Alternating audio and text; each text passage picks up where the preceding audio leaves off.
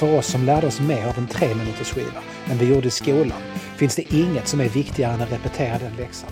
Välkommen till världens bästa poplåt. Jag heter Nils Karlsson och jag tänker följa våra drömmar om musiken ner, ner, ner på djupet. Och det spelar ingen roll om din tre minuters skiva var tre minuter lång eller som med Teenage Kicks, vilket mycket väl kan vara världens bästa poplåt. En poplåt som vid varje givet tillfälle, dygnet runt, året om, decennium efter decennium, fortfarande om miljarder år kommer ställa frågan till vem den är som bor här på planeten då. Jag tänker mig till exempel aporna i apornas planet, att de fortfarande ställer sig den. Och jag tänker att det ringer lika klart då, i hela universum, nu som då, som sen, som alltid. Are teenage dreams so hard to beat? Teenage Kicks, 2 minuter och 28 sekunder, total popglädje. Men om din 3 minuters låt inte är Teenage Kicks, den kanske är 23 minuter lång låt om engelska sex helgonlika täckta män som berättar att middagen är färdig spelar ingen roll. Pop är det viktigaste som finns. Rockmusik är livet. Musik är det bästa. Här pratar vi om världens bästa poplåt. Möjligen att vi pratar om den bästa poplåten som inte är Teenage Kicks of the Undertones, för där är liksom loppet kört, matchen är vunnen, det är bara att lämna walkover. Ofta så pratar vi också om världens bästa poplåt utan Ace Frehley på gitarr. Ace och hans tidigare kompband Kiss är i en klass för sig och kan inte bedömas med vanliga mått. Men Nils, säger nu någon, Ace spelar ju bara vanliga pentatoniska skalor i moll på varenda låt. Till denna någon säger jag, skärpning på riktigt. Alltså verkligen. Och sen, sen, sen kommer jag låtsas som att jag inte hör de här dumma argumenten. För det är faktiskt en objektiv skillnad i kvalitet på någon som spelar en mollpenta över ett enkelt bluesriff och någon som gör det samtidigt som han skjuter raketer med gitarren. Vi måste ju också avgränsa oss. Poplåtar har gjorts i alla tider. Hur ska vi egentligen kunna veta vilken som är bäst om vi inte räknar Teenage Kicks med The Undertones? För där räcker det ju faktiskt med att man lyssnar på den så fattar man att alltså himmelriket är något. Men i övrigt så är det såklart omöjligt. Det är bara de senaste 60 dryga åren som vi haft möjligheten att bevara våra tre minuters drömmar för framtiden. Och det är bara den senaste tiden vi haft möjlighet att dela med oss dem till resten av mänskligheten. Teknikutvecklingen har gett oss musikaliska möjligheter möjligheter som tidigare var omöjliga att föreställa sig. Hade det inte varit för radio och vinylskivor hade kanske John Lennon och Paul McCartney aldrig hört rock'n'roll och världen hade varit så himla mycket fattigare. Att skapa den bästa poplåten kräver att man inspireras av andra. Och nu kan vi inspirera varandra alltså, alltså överallt. Jag kan sitta i Limhamn och inspirera töffar i Stockholm. Jag kan sitta i Liverpool 1962 och inspirera personer långt in i framtiden till bättre musik. Vi kan inspirera varandra globalt. En 20-årig Paul McCartney kan inspirera Dottie Skywalker i en galax långt, långt borta, fast inte för länge sedan, om 3000 år att skriva fantastisk ny musik. För vi kan spela in, vi kan dela med oss. Dessvärre är en sak vi inte kan göra är att resa tillbaks i tiden och höra den popmusik som gjordes före vi lärde oss att spela in den. Det är förstås möjligt att Gruck, mammutarnas bekämpare, spelade världens bästa poplåt den där gången hon kom hem efter en lyckad jakt efter att ha fällt tre mammutar med sina bara händer, eller tänder. Men vi kan inte veta. För mig börjar popmusikens era ordentligt 1963 och den börjar som sig bör med en inräkning. One, two, three,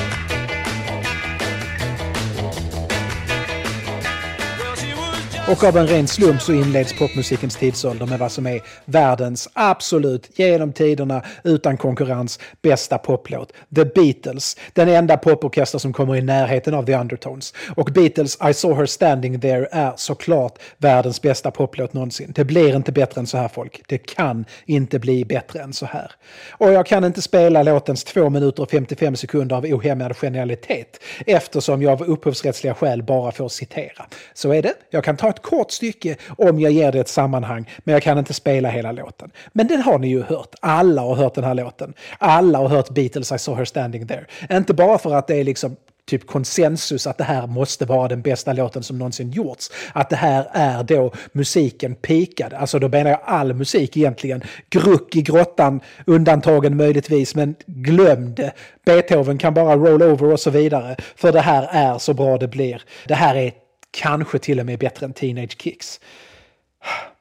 Upphovsrätt, smupphovsrätt, ni har hört den. Men vi måste nog höra Pauls inräkning en gång till. One, two, three,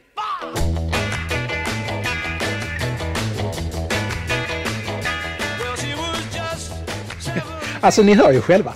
Alltså, ni hör ju faktiskt själva. George Harrisons sologitarr, John Lennons kompgitarr samtidigt i en klingande harmoni av glädje. Paul McCartneys självmedgivet stulna basgång, Ringos trummor. Det är så jäkla bra. I saw her standing there inleder Beatles första skiva, den första pop-LPn som spelades in. För det här utspelar sig på den tiden då en samling låtar med kortast godkända speltid på 30 minuter kallades en LP, long play. Det var långt. Kortare än så, men med flera låtar kallades en EP, Extended Play, och en skiva med två låtar och kortare speltid än 30 minuter var en singel. Det var tider det. När låtar paketerades i en ordning och lyssnades på i den ordningen. Hela Beatles första skiva från Paul. One, two, three, till de sista klingande ackorden på Twist and Shout. För övrigt den enda av två covers som Beatles gjorde bättre än originalartisterna. Men de gjorde dem så bra att ingen någonsin kommer komma ihåg vem som var originalartisten. Det här är en magisk energiurladdning denna skiva. Please Please Me som skivan lite ekivokt heter är punk före punken. Punken skapades 15 år senare, säger någon. Kanske lika skånskt som jag sa det. New York Dolls skapade punken, skriker någon annan. MC5, Velvet Underground, Chris de Berg! Okej, okay, inte Chris de Berg. Även om vi kanske behöver klä på oss i rött något senare och återvända till honom. Men Visst, det är bra namn och alla har såklart spelat in på vad som senare blev punken. Men den musikaliska estetik som utgör punken finns på Please Please Me. Det är hormonstinga, arga människor som liksom öser ur sina djupaste känslor. Och vilka känslor det är, är med tanke på att vi talar om 20-åringar inte något som går mycket djupare än knulla. Och Paul sjunger om “She was just 17, you know what I mean”. Och jag Paul, “We know what you mean”. Det är teenage kicks du menar. Okej, okay, du är på en dans istället för att spana på tjejen. Lite creepy genom ditt fönster, men det är samma förströelse som Paul McCartney var ute efter 1963, som Fergal Sharkey sjöng om 1977. Det är teenage jävla kicks. Lennons “I wanna hold your hand” kör en mer snirklande väg till tjejens hjärta. Men ingen av oss tror att det faktiskt bara innerst inne, bara var hålla handen Lennon var ute efter. I saw her standing there är textmässigt mer komplex. Inte mycket, men lite. You know what I mean bygger på en förståelse mellan lyssnare och sångare. Ja, Paul, vi vet vad du menar. Och det vet hon du sjunger om också. Och det är okej. Okay. Låten i stort är skriven av Paul, men just den textraden kommer från John Lennon. Pauls första text löd “She was just 17, she never was a beauty queen”. Men den stötte på patrull hos Lennon som var smart nog att fatta att det Paul hade skrivit inte skulle leda till särskilt mycket knulla eller till att horder av tonårstjejer skulle köpa skivorna. Låten skrevs innan bandet blev riktigt stort. De spelade fortfarande på The Cavern i Liverpool när den här låten så sakteliga smög sig in på deras låtlista. Hela Please Please Me utgörs i stort sett av låtlistan de spelade på The Cavern. Och hela Please Please Me är längtan, passion, kärlek och melodier att döda för i ett rasande tempo. Bandet verkar ha haft extremt roligt när de spelade in skivan. 13 timmar tog det. 13 timmar för hela skivan. Numera sitter liksom artister, framförallt artister i stora grupper. De kan sitta i två, tre år och fiffla med knapparna för att få till exakt rätt autotunade ljud på exakt rätt ställe. Men den här skivan tog 13 timmar. De började klockan nio på morgonen och slutade elva på kvällen. Och hade det inte varit för studietecknarnas kollektivavtal som garanterade dem högre ersättning om de jobbade mer än 12 timmar, kanske de inte ens hade hunnit lägga på handklapp. Sist av allt spelade de in Twist and Shout för att Lennons sångröst inte pallade att spela in den i början för då skulle han inte kunna sjunga de andra timmarna. Det var den första av Beatles coverlåtar som var bättre än originalet. Den andra finns också på Please Please Me. Den heter Boys. Av någon anledning tyckte Beatles att Ringo skulle sjunga minst en låt på varje skiva. Visst, säkert bra om alla i bandet får en chans att synas och så. Trummisen arbetar ju oftast i bakgrunden, om man inte är Keith Moon i The Who förstås, som får spela lead-trummor. Ringo sjunger Boys och det är en av de absoluta ah, höjdpunkterna på skivan. Ska vi ta ett sidospår om Ringo? Vi tar ett sidospår om Ringo. Det finns alltid tid för ett sidospår om Ringo. Ett sidospår som förhoppningsvis på ett snyggt sätt leder tillbaka till huvudspåret med världens bästa poplåt. Ringo var ny i bandet när Please Please Me spelades in. Mycket av det vi hör på Please Please Me skapades i Hamburg där tre av bandets genier, mer om genier senare, formades av mötet med publiken på sunkiga barer där de spelade åtta timmar om dygnet och då åtta timmar med konstant energiurladdning för att hålla tyskarna glada och fulla och ytterligare lite glada. Som engelsman visste man ju väldigt noga vad som hände om tyskar inte var glada. Först tar de Polen, Then They Take, inte Berlin, utan börjar bomba London. Den som spelade trummor i The Beatles när de spelade i Hamburg var Pete Best. Första vändan var de en kvintett med Stuart Sutcliffe på bas och den andra vändan hade Sutcliffe hoppat av för att ägna sig åt måleri och att dö i hjärnblödning. Något som för övrigt skildras i den underskattade filmen Backbeat som kanske verkar som en något tramsig romantisk halvkomedidrama men den är faktiskt riktigt bra. Sutcliffes avhopp ledde till att Paul McCartney fick börja spela bas. Enligt honom själv för att det inte fanns en chans i helvetet att John skulle börja spela bas. För även då var det allmänt känt att basisten inte fick några tjejer och mest var en misslyckad och tragisk individ. Och George var så pass duktig på gitarr, han kunde ju spela solon gubevars, att det var ett slöseri med talang att tvinga honom att spela på det fyrsträngade sociala stigma som en elbas är. När Beatles återvänder till Liverpool för andra gången börjar skivbolag fatta intresse för dem. Framförallt baserat på ryktet om deras energifyllda konserter på The Cavern i Liverpool. De får provspela in en hel skiva för Decca som bestämmer sig för att inte skriva kontrakt med dem. Något som Decca senast hånat för. Lite orättvist kan jag tycka eftersom de, det de spelade in för Decca faktiskt inte ens är mediokert. Det är praktuselt. Till ganska stor del för att de dels tonar ner den energi de hade på scen, men också för att Pete Best inte var en särskilt bra trumslagare. Det låter skit helt enkelt. Beatles inspelningar för Decca visar också betydelsen av en bra producent.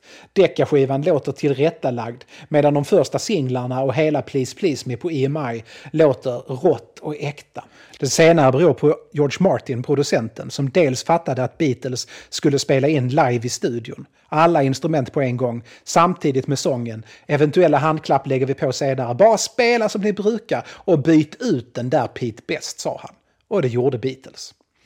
15 år senare gör EMI samma misstag som Decca gjorde med The Beatles fast med Sex Pistols. Så kan det gå. Cirklar sluts, punken föder sig själv genom avvisning från skivbolag eller någonting.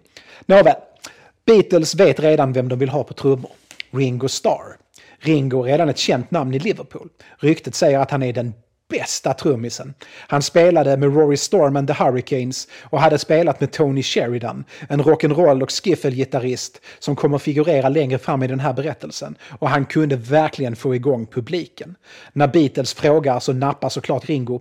Dels på grund av att han är smart nog att känna igen talang när han ser den och dels på grund av att The Beatles vid det här laget hade säkrat ett skivkontrakt. Den första inspelningen, singeln Love Me Do, får Ringo inte vara med på eftersom George Martin inte tycker att han han heller kan spela trummor. Martin hade fel. Ringo är, och jag vet att det här är traditionellt sett inte en särskilt populär åsikt, en helt fantastisk trummis. Mycket av det som är The Beatles hade inte funnits utan honom och hans excentriska vänsterhänta trumspel. Även om Ringo omöjligt skulle kunna spela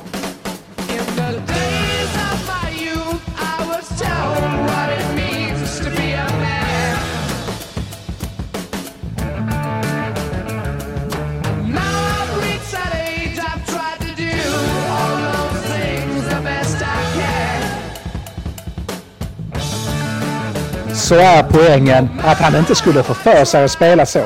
Ringo spelar minimalistisk, men filsen sitter exakt där de ska sitta. Men någon John Bonham var han inte. Det vi hörde här en liten sampling av upphovsrättstekniska skäl av vad eh, Good Times Bad Times också kanske den bästa poplåten någonsin. Och det sättet Ringos trummiskollega John Bonham introducerar sig själv till världen med trioler och bastrummor och ett gudabenådat trumspel. Men jag måste ändå säga att Ringo var snäppet bättre. Nästan alltid spelar han sina fills från vänster till höger, alltså eh, Ringo nu, alltså inte John Bonham, han spelade överallt hela tiden.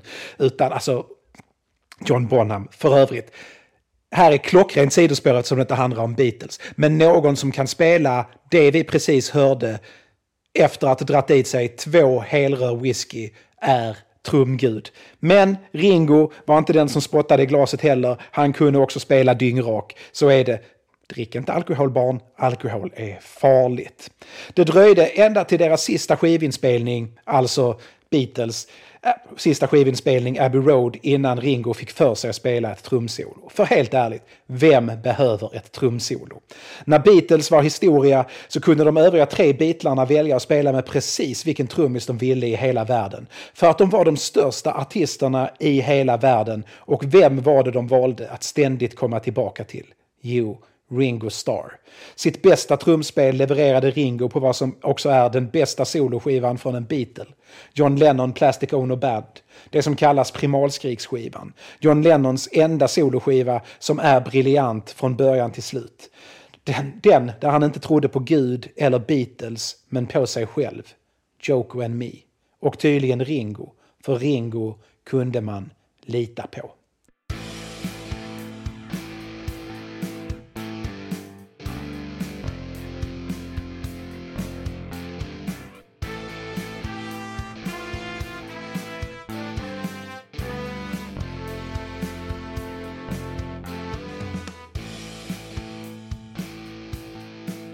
En annan aspekt av Ringos trumslageribegåvning är hans förmåga att hålla tempot.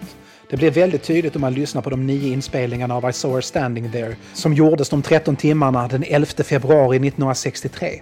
Det här var före man använde clicktrack, alltså ett förinspelat ljudspår med taktslag att förhålla sig till, för att hindra framförallt trumslagare att öka takten i låten. En naturlig tendens, för man vill öka intensiteten ju längre låten går. Det funkar att öka live, men det funkar inte på skiva, för på skivan ska det gå att dansa till. Det är för övrigt därför dansbandshöjningen uppstod. En dansbandsorkester kan inte öka tempot, för då snubblar de killar som blivit fulla nog att våga bjuda upp. Därför höjer man låten ett halvt eller ett helt tonsteg mot slutet för att få lite av samma effekt som en tempohöjning. Det här lever kvar i modern melodifestival om inte annat. Men det är också ett sidospår tillbaka till Beatles och Ringo. Ringo höll tempot utan något jävla clicktrack. De nio tagningarna av I saw her standing there är i samma tempo från början till slut. Därför kunde George Martin klippa Pauls inräkning från tag tagning 9 och lägga till den i början på tagning 1, vilket också är den tagning som användes. Alltså bara en sån sak. Det är första inspelningen av I saw her standing there som också hamnade på skivan. Hur jävla coolt är inte det? Så, Ringo kunde hålla tempot i en hel låt utan problem. Han kunde göra det senare också på Beatles turnéer när de spelade live inför tusentals människor. Han kunde inte höra sig själv spela för alla tjejer i publiken som skrek, men han slutade lik förbannat i samma BPM, slag per minut, beats per minute, som han började i. Jämför det med Lars Ulrich från Metallica som inte ens slutar en takt i samma BPM som han började i. Och det är med clicktrack. Nej, om någon säger att Ringo var en dålig trummis, så bara stirra på den personen som om han är en fullständig idiot idiot. För det är han. Så man lät alltså Ringo sjunga minst en låt per skiva. Och det kan vi leva med. Ibland blev det bra, som med Boys eller With a little help from my friends, i vilken Ringos begränsade sångförmåga vänds till triumf i och med John och Pauls körstämmor, som faktiskt gör en grej av och besjunger att Ringo har en begränsad sångförmåga. Och ja, låten är så pass meta att Ringo fixar att sjunga lead just för han har sina friends på körsång och så skapas fucking musikhistoria. Några år senare testar Beatles knark för första gången. Och de tycker om det. Och någonstans i detta knarkande kommer The Beatles på att det vore en, en, bra idé om Ringo inte bara fick sjunga någon låt per skiva, utan han också skulle få skriva någon låt per skiva.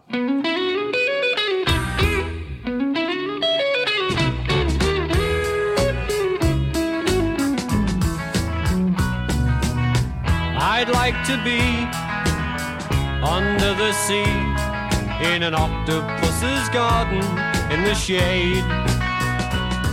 Och kan ni fatta hur mycket knark man måste knarka för att det ska framstå som en bra idé? Fan, om bara knarkundervisningen i skolan inte hade handlat om att typ röker du så mycket som en liten, liten, liten, liten, liten, liten, liten bit illegal växtlighet så kommer du dö med tre heroinsprutor i armen på en offentlig toalett några månader senare.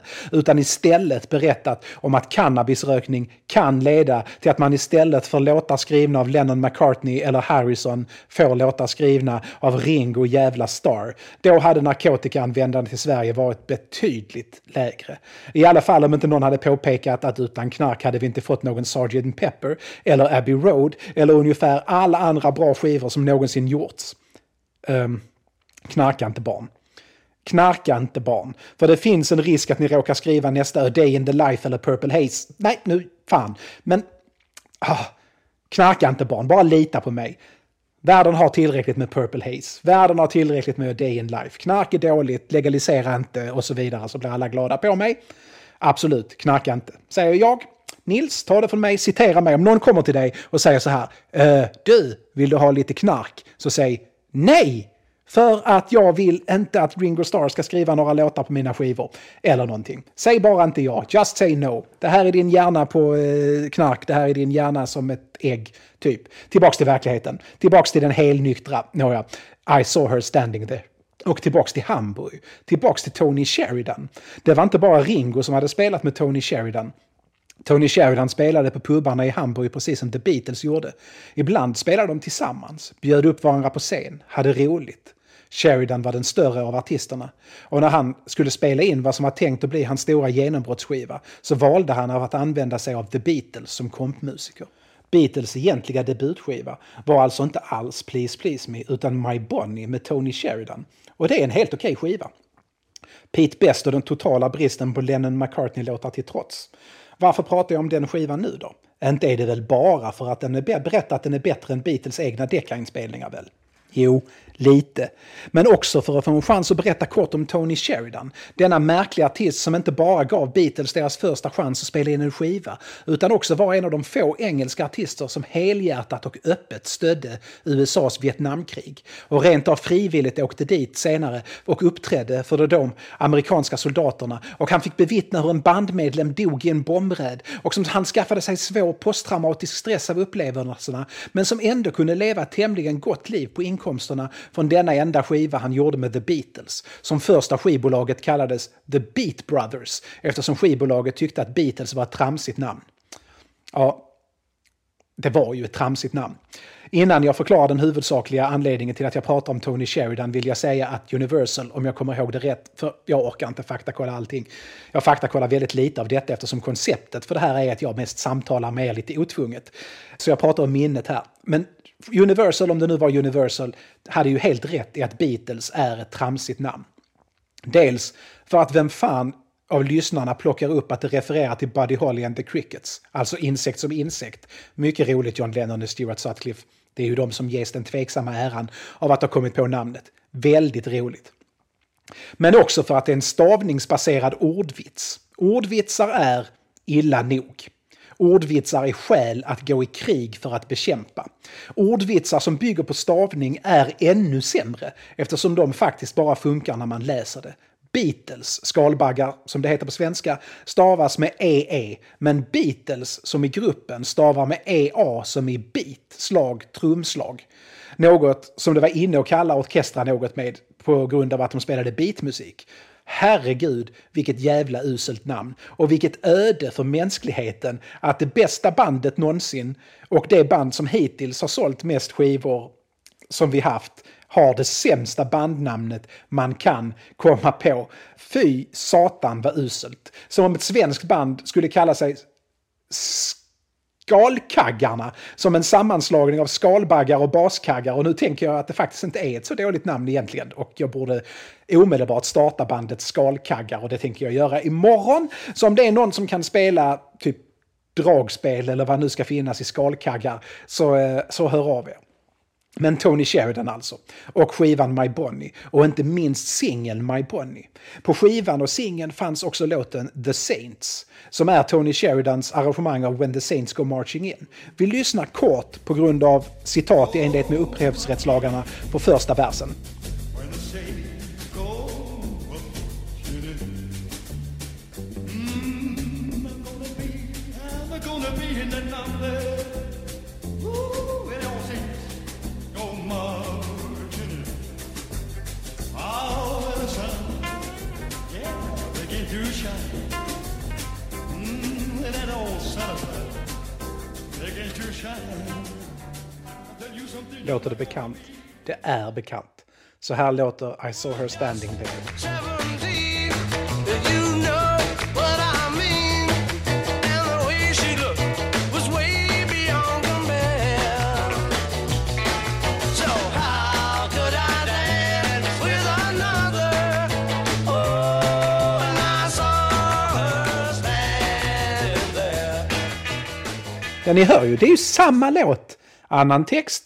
samma låt.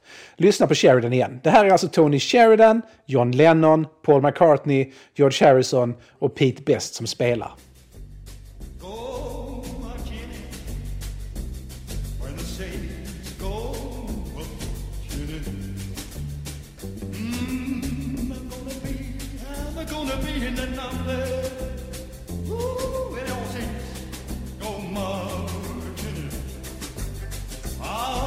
Paul McCartney har ju till och med tagit med det där Woo!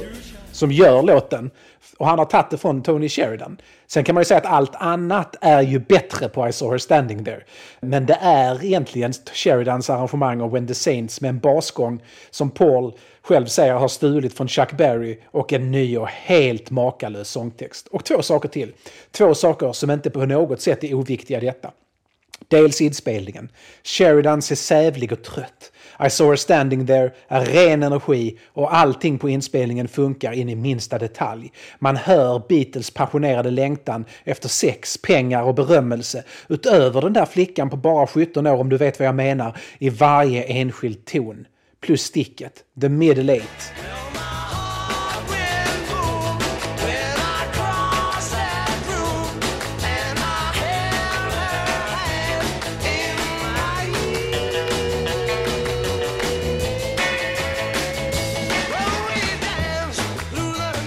Alltså det är så klockrent. Det här sticket och det här My Heart Goes Boom, det är där låten plockas till en helt ny nivå. Låten i sig är i grund och botten en blueslåt i E. Versen är första ackordet i skalan, sedan fjärde och sedan femte. Alltså E, A och B som varenda blueslåt. Och alla är ACDCs låtar. Beatles var aldrig ett konventionellt band musikaliskt, vilket är fascinerande. Och redan så pass tidigt som 1962-63 bryter det mot alla rimliga regler och gör en tillfällig tonartshöjning till ett C från ett B. Och det är briljant. Det borde inte funka. Inte minst som det går tillbaks till E senare. Men här funkar det. Beatles tidiga låtar följde ofta samma struktur. Vers, vers, stick, vers med finess. Inga egentliga refränger i början. Hela låten gick att nynna på och hooken, det som verkligen greppar tag i en, ligger i slutet på första versen. Här, How could I dance with another, woo, when I saw her standing there. På den här låten bryter de mot sina egna regler och låter strukturen vara vers, vers, stick, gitarrsolo, stick, vers med knorr. Och när de senare tycker att låten är på tok för lång när de spelar den live och ville få ner den till två minuter, då strök de andra sticket. Textmässigt så följer den en tidig struktur i Beatles låtar också. De höll sig väldigt tydligt till detta i början. Ett direkt tilltal. Det är you, I. Man pratar direkt med lyssnaren för att skapa en kontakt. Kärlekslåtarna handlar om you, kärlekslåtarna handlar om I.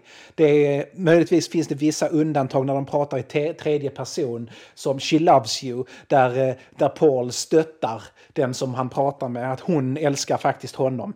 Men det här är grundläggande Beatles från början till slut med ett litet C inklippt för, eh, för att göra det musikaliskt lite snyggare. Det naturliga om man hade velat korta låten hade ju varit att ta gitarrsolot. Om nu låten var för lång, vilket den ju givetvis inte är.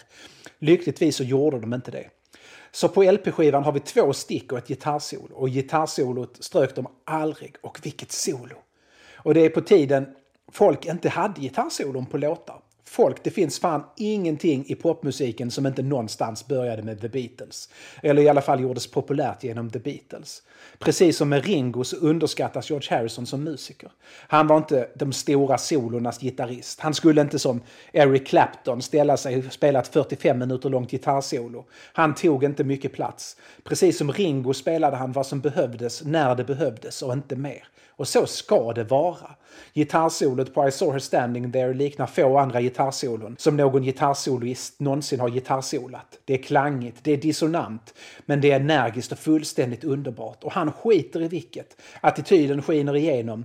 Ändå ett väldigt välplanerat gitarrsolo. Det låter likadant på alla tagningarna, men det låter som att det är totalt improviserat. Och det är gitarrmagi när det är som mest primitivt och bäst. Beatles var fyra genier på rätt plats vid rätt tillfälle. Jag har en teori om att för ett band verkligen ska bli odödligt och göra världens bästa poplåt så krävs det minst ett geni. Beatles hade fyra. Vi får prata mer om genier en annan gång, för ämnet är jätteintressant. Men vad är oddsen för att John, Paul och George ska växa upp tillsammans och vara så proppfulla av genialitet? Ringo handplockade, så han faller inte riktigt in i slumpen här. Men ändå, fyra av de mest begåvade människorna vi haft inom musiken på ett och samma ställe samtidigt. Man blir fan religiös för mindre. Och apropå religion, så är det dags att tillbe framför popmusikens altare. Läxan till nästa gång är att lyssna på Teenage Kicks och I saw her standing there dygnet runt, året om. Och barn, knarka inte. Lyssna på George Harrison, han vet det här med droger. After that, I didn't need it ever again. That's the thing about LSD. You don't need it twice. You've only taken it once? Oh, no, I took it lots of times. but I only needed it once. Avslutningsvis skulle jag vilja säga några få saker. Dels jag kanske pratade innan om att Ringo spelade från höger till vänster eller vänster till höger eller vad som jag än sa. Jag vill bara att det ska vara väldigt klart. När Ringo spelar fills gör han det från sitt höger mot vänster med vänsterhanden först och det gör honom till en fullständigt unik trummis. Okej, okay, det kanske funnits andra sen som gjorde det, men han spelade vänsterhänt på riktigt och det var inte alls illa. Och en sista sak, vi kan ju inte ha det så här. Jag får helt enkelt ta och pynta de 350 kronorna det kostar för en licens så vi kan lyssna på hela låten i all dess fullständiga och totala glädje. Så mina vänner, jag ger er världens, i alla fall idag, bästa poplåt. I saw her standing there med The Beatles. Varsågoda. Vi rockar vidare. Adjö.